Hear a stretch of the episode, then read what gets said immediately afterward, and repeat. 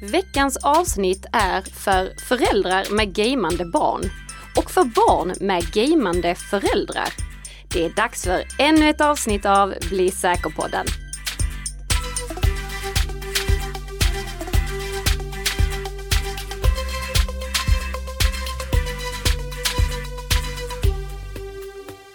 Morgon, god morgon Nika! God morgon, god morgon Tess! Och god morgon till alla våra fantastiska lyssnare som tunar in den här podden som produceras i samarbete mellan Nika Systems och Bredband2. Och som det kommer ett nytt avsnitt av varje vecka för att göra dig lite säkrare för varje vecka som går. Till skillnad från Microsofts säkerhetsuppdateringar, för de kommer inte en gång i veckan, de kommer bara en gång i månaden. Det stämmer, för nu har det väl varit eh, patch-tisdag va? Det har varit patch-tisdag och våra lyssnare fick precis uppskatta min kanske sämsta övergång hittills.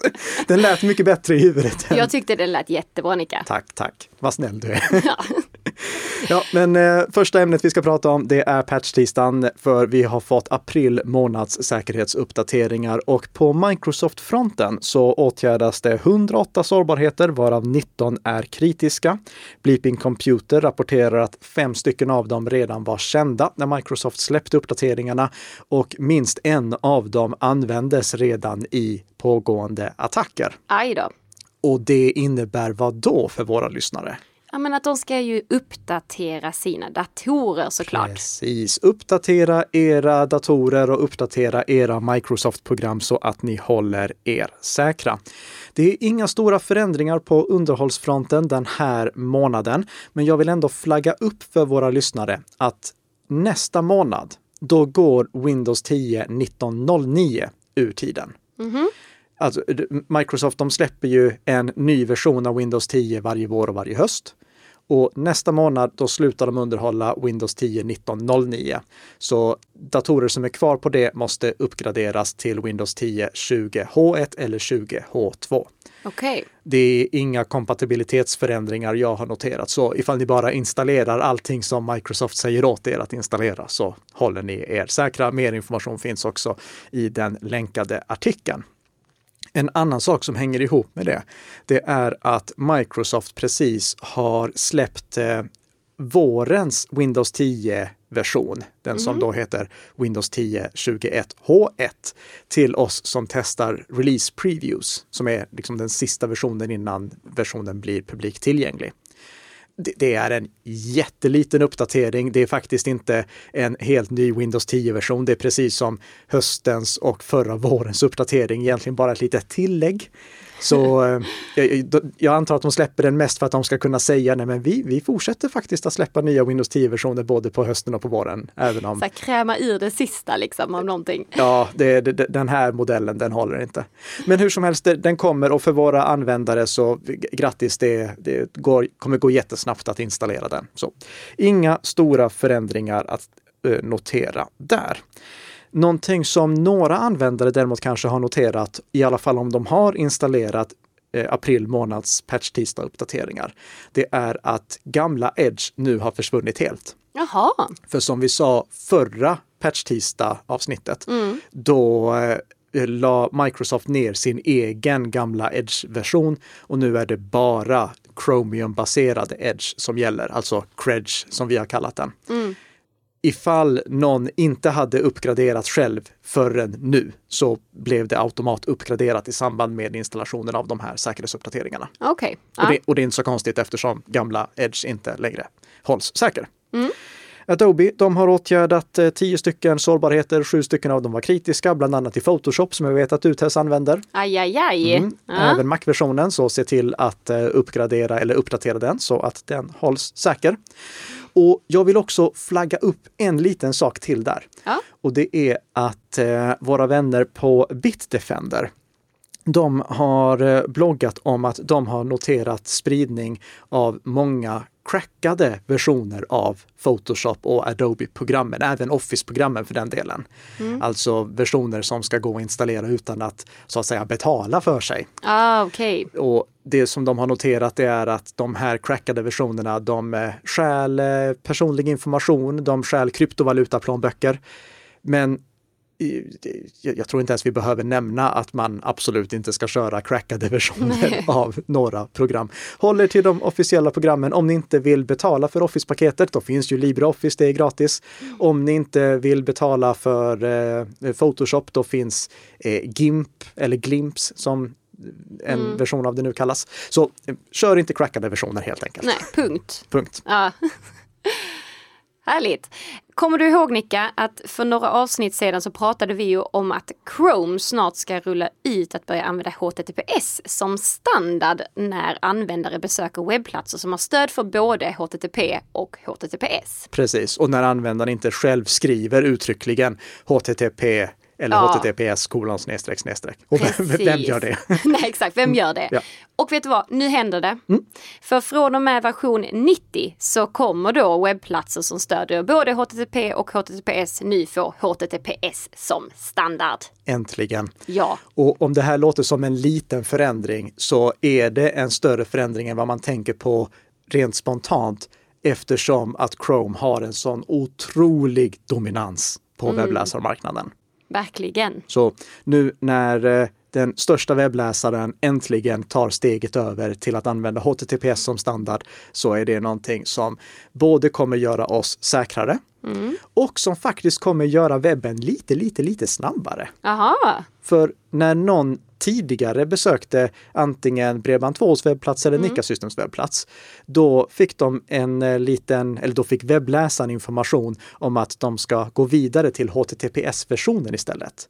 Ah. Men nu slipper man den där lilla redirecten som skickar vidare. Just det. Så det blir lite, lite, lite snabbare. Mm. Mm. Härligt, det gillar vi ju. Ja.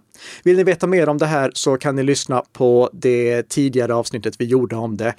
Och jag vill poängtera bara att det här är alltså inte samma funktion som vi pratade om när Firefox la till stöd för sitt HTTPS enbart-läge eller enbart HTTPS-läge.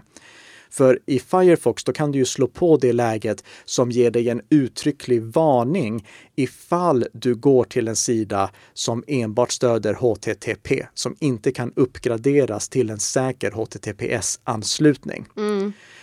Och det har inte Chrome gjort nu. Det, det, som Chrome gör, det är bara att om du inte skriver HTTP eller HTTPS så chansar den på att det är HTTPS du vill ha. Mm, skulle det vara så att webbplatsen inte stöder säkra HTTPS-anslutningar, alltså det inte finns ett hänglås i adressfältet, då kommer du fortfarande att degraderas till en osäker HTTP-anslutning. Mm. Jag vill därför också påminna om att aldrig någonsin logga in på en webbplats där det inte finns ett hänglås i adressfältet och inte heller använda BankID på webbplatser där det inte finns ett hänglås i adressfältet. Det mm. sistnämnda ska överhuvudtaget inte vara möjligt eftersom webbplatser som använder BankID inte får ha osäkra anslutningar. Men jag upptäckte förra veckan att en eh, en svensk webbplats som använder BankID och har några hundratusen svenska användare de hade så att användaren kunde initiera sin BankID-identifiering på en osäker webbplats. Ah. Och, och, det är inte tillåtet, Nej. Eh, så, så de, de, har gjort fel. Och jag har meddelat det till de som driver den här webbplatsen. Jag har meddelat det till BankID också.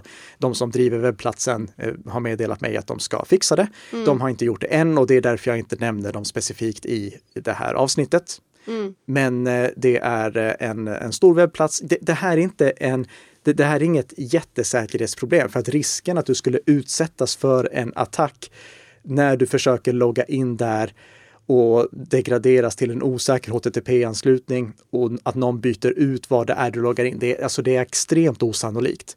Men ha det ändå som mm. en liten eh, ha, ha, ha, det i bakhuvudet lite då. Precis, ha det i bakhuvudet. Mm. När du loggar in, med lösenord eller med BankID. Kolla att det finns ett hänglås, kolla att adressen är rätt och fortsätt sedan. Mm. Och med BankID så rekommenderar vi som vanligt att man använder mobilt BankID istället för bankdosa eftersom med mobilt BankID så ser man vad det är man loggar in när man utför inloggningen. Mm. Härligt ju! Ja. Nu kör vi veckans huvudämne. Infektioner och gamers ska vi prata om. Precis. Ja? gamers som får sina mobiltelefoner och sina datorer infekterade kanske till och med av gamern som sitter med mobiltelefonen i handen eller framför datorn. Jag eh, berättade ju i ett eh, avsnitt för två avsnitt sedan mm. om lite eh, olika huvudämnen som är på gång i Bli säker-podden. Men jag var tydlig med att säga, jag säger inte att vi kommer ta det i den här ordningen. Och nu är det ett ämne som jag vill liksom sticka in här i planeringen med anledning av en rapport som Activision har släppt. Activision, det är de som ligger bakom det populära spelet Call of Duty bland annat. Aj, aj, aj. Pang-pang-spelet. Pang-pang-spel, precis. Varken jag eller Tess är gamers. Men ni hör ju det. det är det här pang-pang-spelet. Exakt. Jag började förbereda det här ämnet i samband med en, en diskussion som uppstod i säkerhetsbubblan. Och jag tänkte att vi belyser den här frågan ur två perspektiv därför. Vi pratar både om eh, barn som luras att infektera sina enheter och vuxna som luras till att infektera sina enheter. Mm. För eh, ja, idag är ju spel någonting som tilltalar alla målgrupper. Absolut, absolut. Inte bara någonting som barn pysslar med. Mm. Okej, okay, den första saken som vi ska gå in på, det var det här som diskuterades i säkerhetsbubblan. Det var en förälder som berättade att hans son hade lurats att infektera sin mobiltelefon. Och bakgrunden till det, det var att en klasskamrat som eh, sonen spelade Android-spelet Among Us tillsammans med, mm. hade sagt att om du installerar den här appen så kan du fuska i Among Us-spelet. Aj, aj, aj. Mm. Och det är ju någonting som tilltalar många gamers att, att fuska på ett mm. eller annat sätt. Den här appen, den här fuskappen, den distribuerades inte via Google Play. Utan det var en sån här app som användaren själv måste ladda ner mm. och sen aktivera i inställningarna på mobiltelefonen att det ska gå att installera appar från andra källor än Google Play och klicka sig förbi varningarna och sen ladda upp den här nedladdade filen och välja att installera den. Ja, det låter ju omständigt bara det. Det, det gör det. Ja. Men det är för att när man ladda ner applikationer från andra källor än Google Play, alltså mm. den officiella appbutiken, någonting som inte ens är möjligt på iPhone, utan det är bara möjligt på den öppnare Android-plattformen. Mm.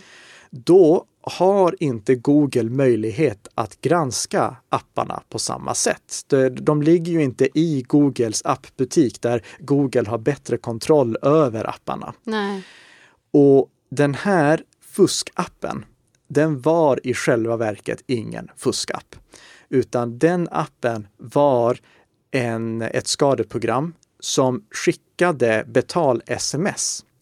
Målsättningen var alltså att användaren skulle infektera sin mobiltelefon och sen skulle utvecklarna av den här skadliga appen tjäna pengar på att få sms skickade till betalnummer. Aha. Mm. Lyckligtvis så hade pappan blockerat möjligheten att eh, köpa saker på telefonräkningen. Mm.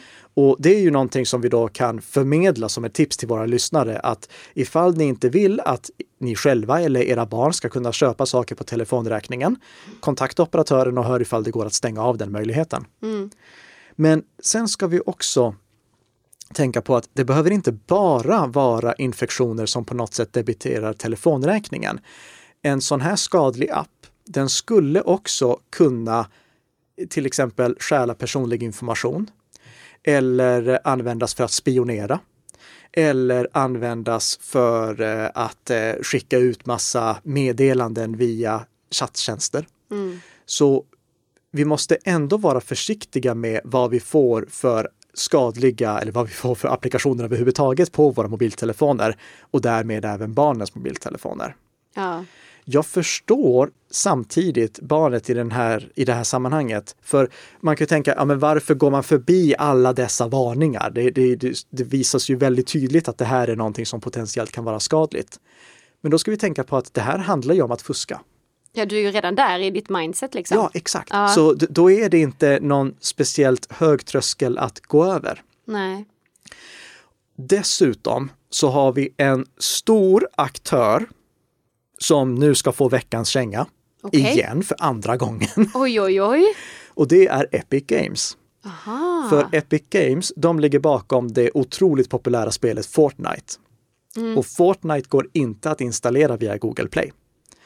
Utan det går bara att installera genom att ladda ner en sån här applikationsfil och gå in i inställningar och välja att acceptera att installera applikationer från andra ställen än Google Play och klicka sig förbi alla varningar och sen ladda upp den här applikationsfilen. Aj då, men då instiftar man ju en väldigt dålig vana här. Ja, det är precis det.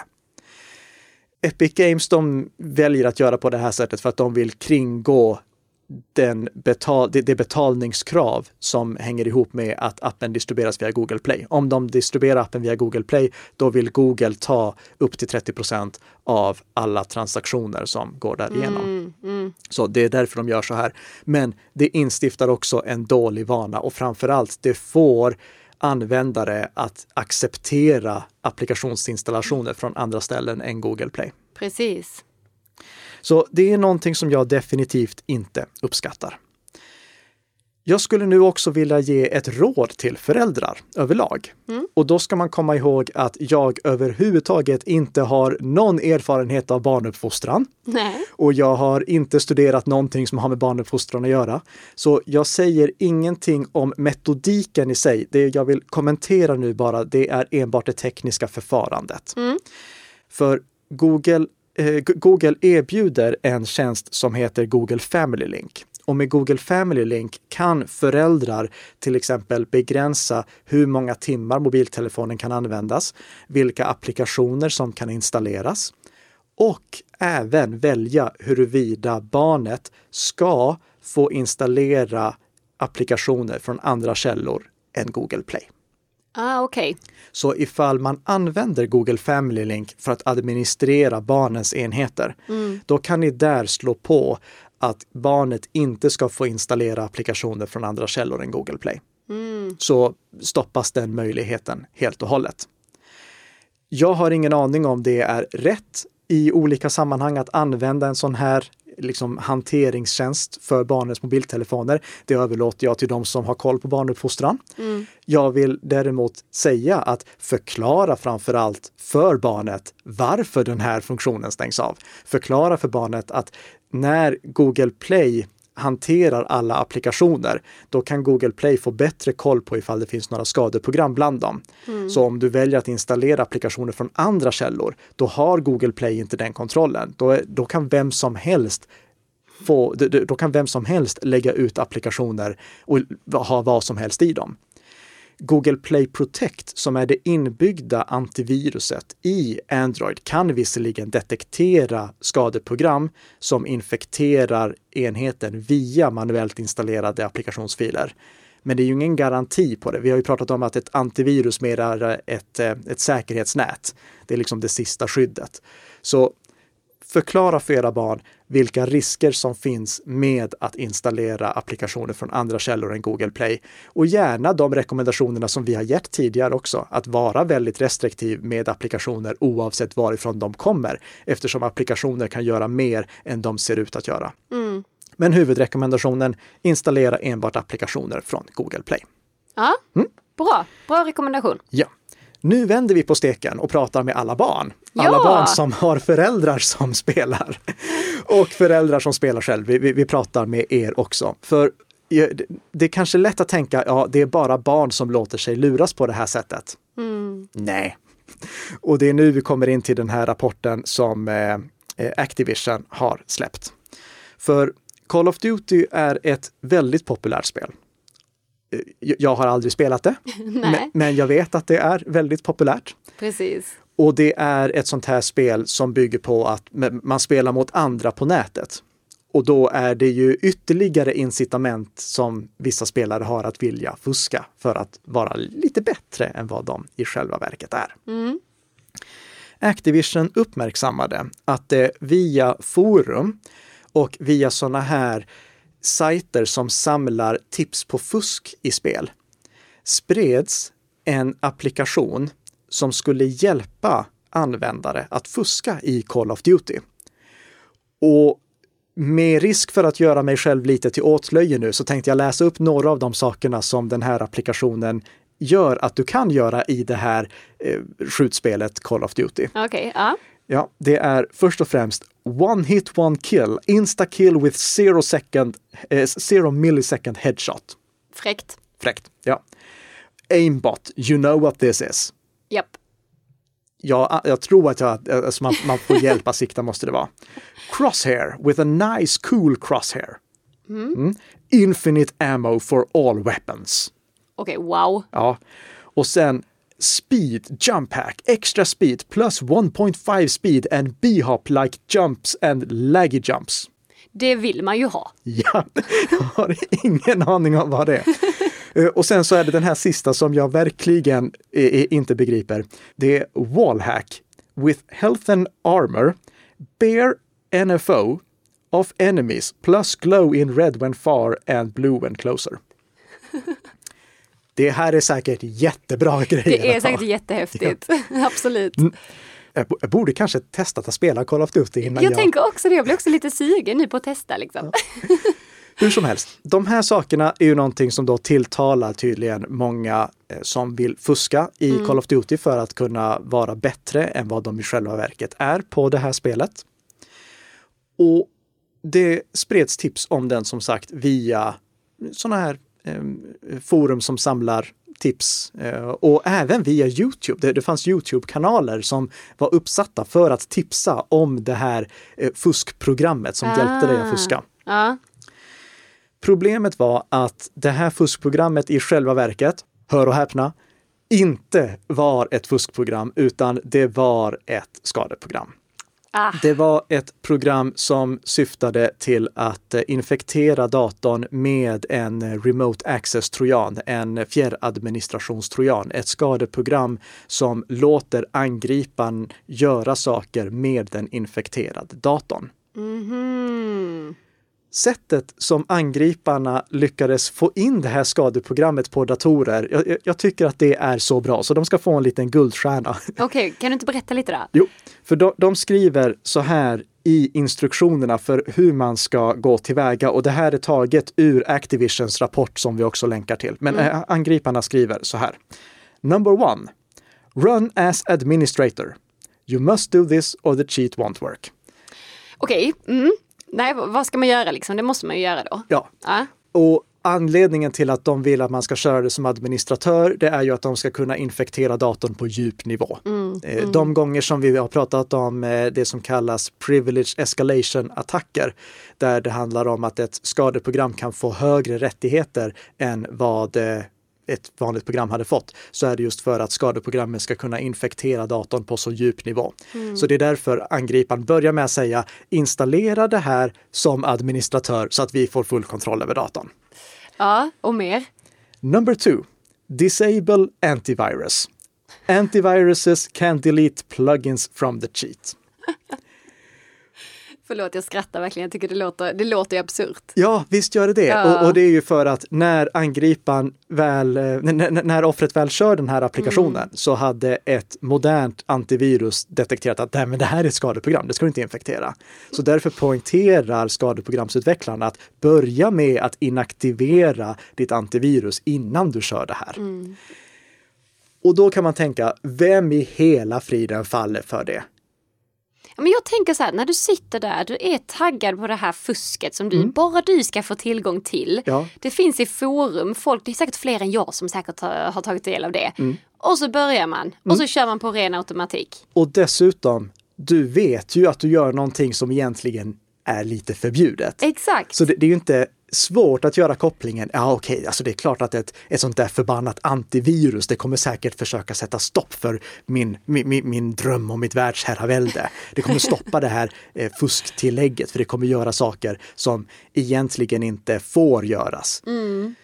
Så jag förstår att folk blev lurade av det här. Verkligen. Det, det, det är väldigt välgjort av angriparna. Sen, sen ska det tilläggas att i forumet, eller jag tror det var på en av Youtube-kanalerna som tipsade om det här eh, fusktillägget eller fuskprogrammet, då var det en användare som hade skrivit att eh, han eller hon inte fick alla fusk till att funka. Och nej, det, det är för att inget av det här var egentligen något fusk till Call of Duty. Det här var bara ett skadeprogram som syftade till att infektera datorn. Mm. Vad lär vi oss av det här då? Ja, först och främst källkritik. Mm, absolut. Mm, men eh, jag vet att det är svårt att göra när eh, angriparna är så här duktiga att tänka kritiskt. Mm. Så nummer två, stäng inte av ditt antivirus. Du, ska ha skyddsnätet kvar där. Mm. Stäng inte av det. Och det, det gäller både ifall du använder Microsofts inbyggda Microsoft Defender och om du använder ett eh, från tredje part. Stäng aldrig av ditt antivirus. Du ska alltid ha igång det på datorn. Så att om du råkar infektera dig själv, då ska skyddsnätet finnas där och fånga det. Och du ska definitivt ha någonting som hela tiden skannar igenom datorn och uppmärksammar ifall det finns någonting som inte hör hemma på datorn mm. och som borde undersökas närmare, alltså detekterar skadeprogram.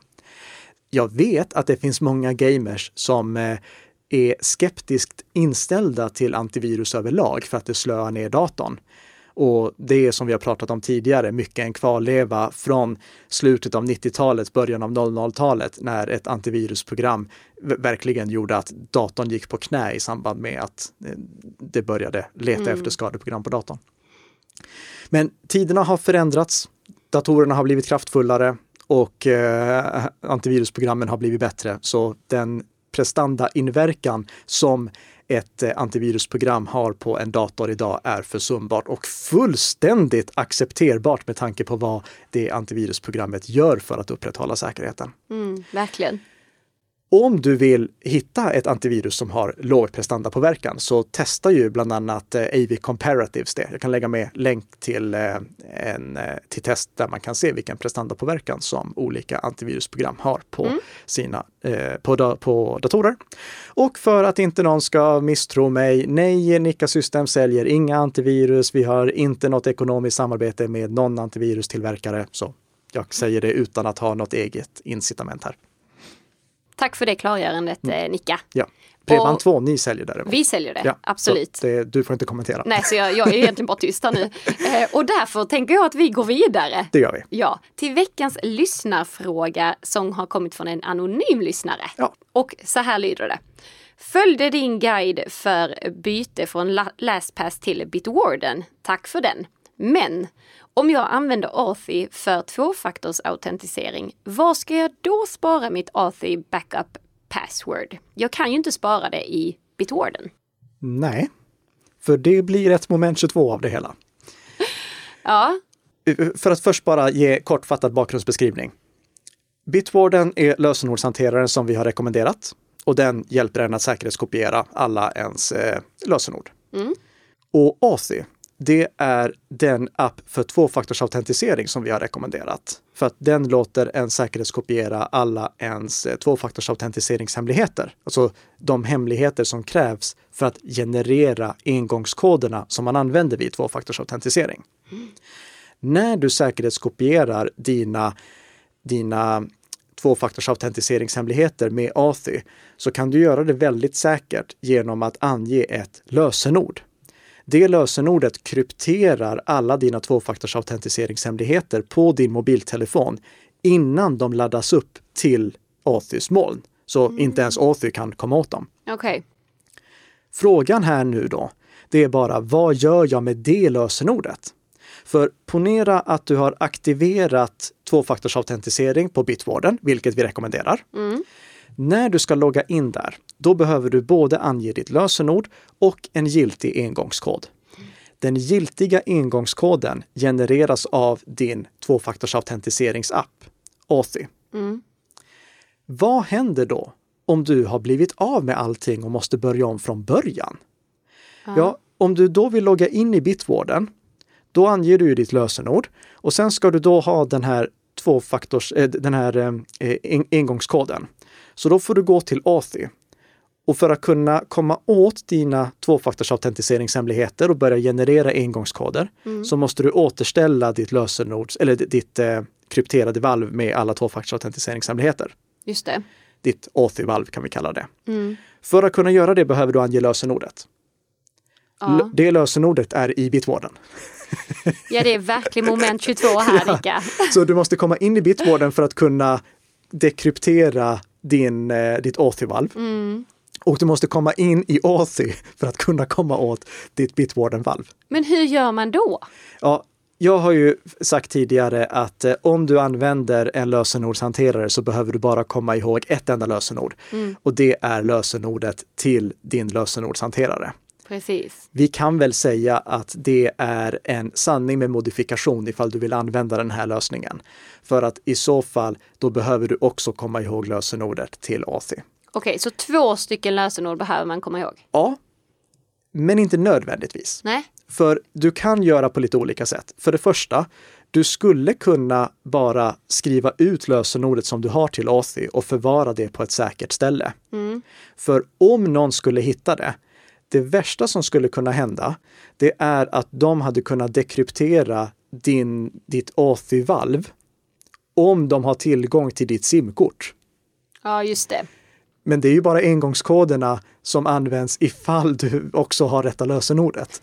Du, de kommer inte in i bitwarden utan att också ha ditt huvudlösenord. Nej. Så därför känner jag att okej, du kan faktiskt printa det lösenordet och spara det på något säkert ställe. Eller be en vän spara det, för vännen kan inte heller göra någonting med det. Nej. Det, eller så gör du som så att eh, du till ditt, eh, till ditt Bitwarden-valv väljer att ha en annan tvåfaktorsautentiseringsmetod. Till exempel en YubiKey. Eh, Du kan ha båda metoderna aktiverade. Och det gör att om du har en YubiKey, du måste skaffa en sån i så fall. Vi lägger med en länk till avsnittet där vi har pratat mer om det. Då kan du liksom gå in i eh, ja, garderoben eller i säkerhetsskåpet eller var du nu än har din backup YubiKey och så kan du låsa upp valvet med den. Sant. Men det, det här sistnämnda, det kräver att du har betalversionen av Bitwarden. Mm, Okej. Så det går inte att göra med gratisversionen. Nej. Mycket bra fråga och det är viktigt att fundera över den så att man inte hamnar i den här moment 22 situationen. Tack så mycket för den frågan. Och tack till alla våra lyssnare. Oh ja. Ja, som har hängt med ytterligare en halvtimme här nu. Så imponerad. Ja, verkligen. Hur står ni ut med oss? Ja, verkligen. Ja. Om ni gillar den här podden, lämna jättegärna en recension. Klicka också på prenumerera för då får ni stå ut med oss en halvtimme till nästa fredag för då är jag och Tess tillbaka som vanligt. Ha en trevlig helg! Ha det!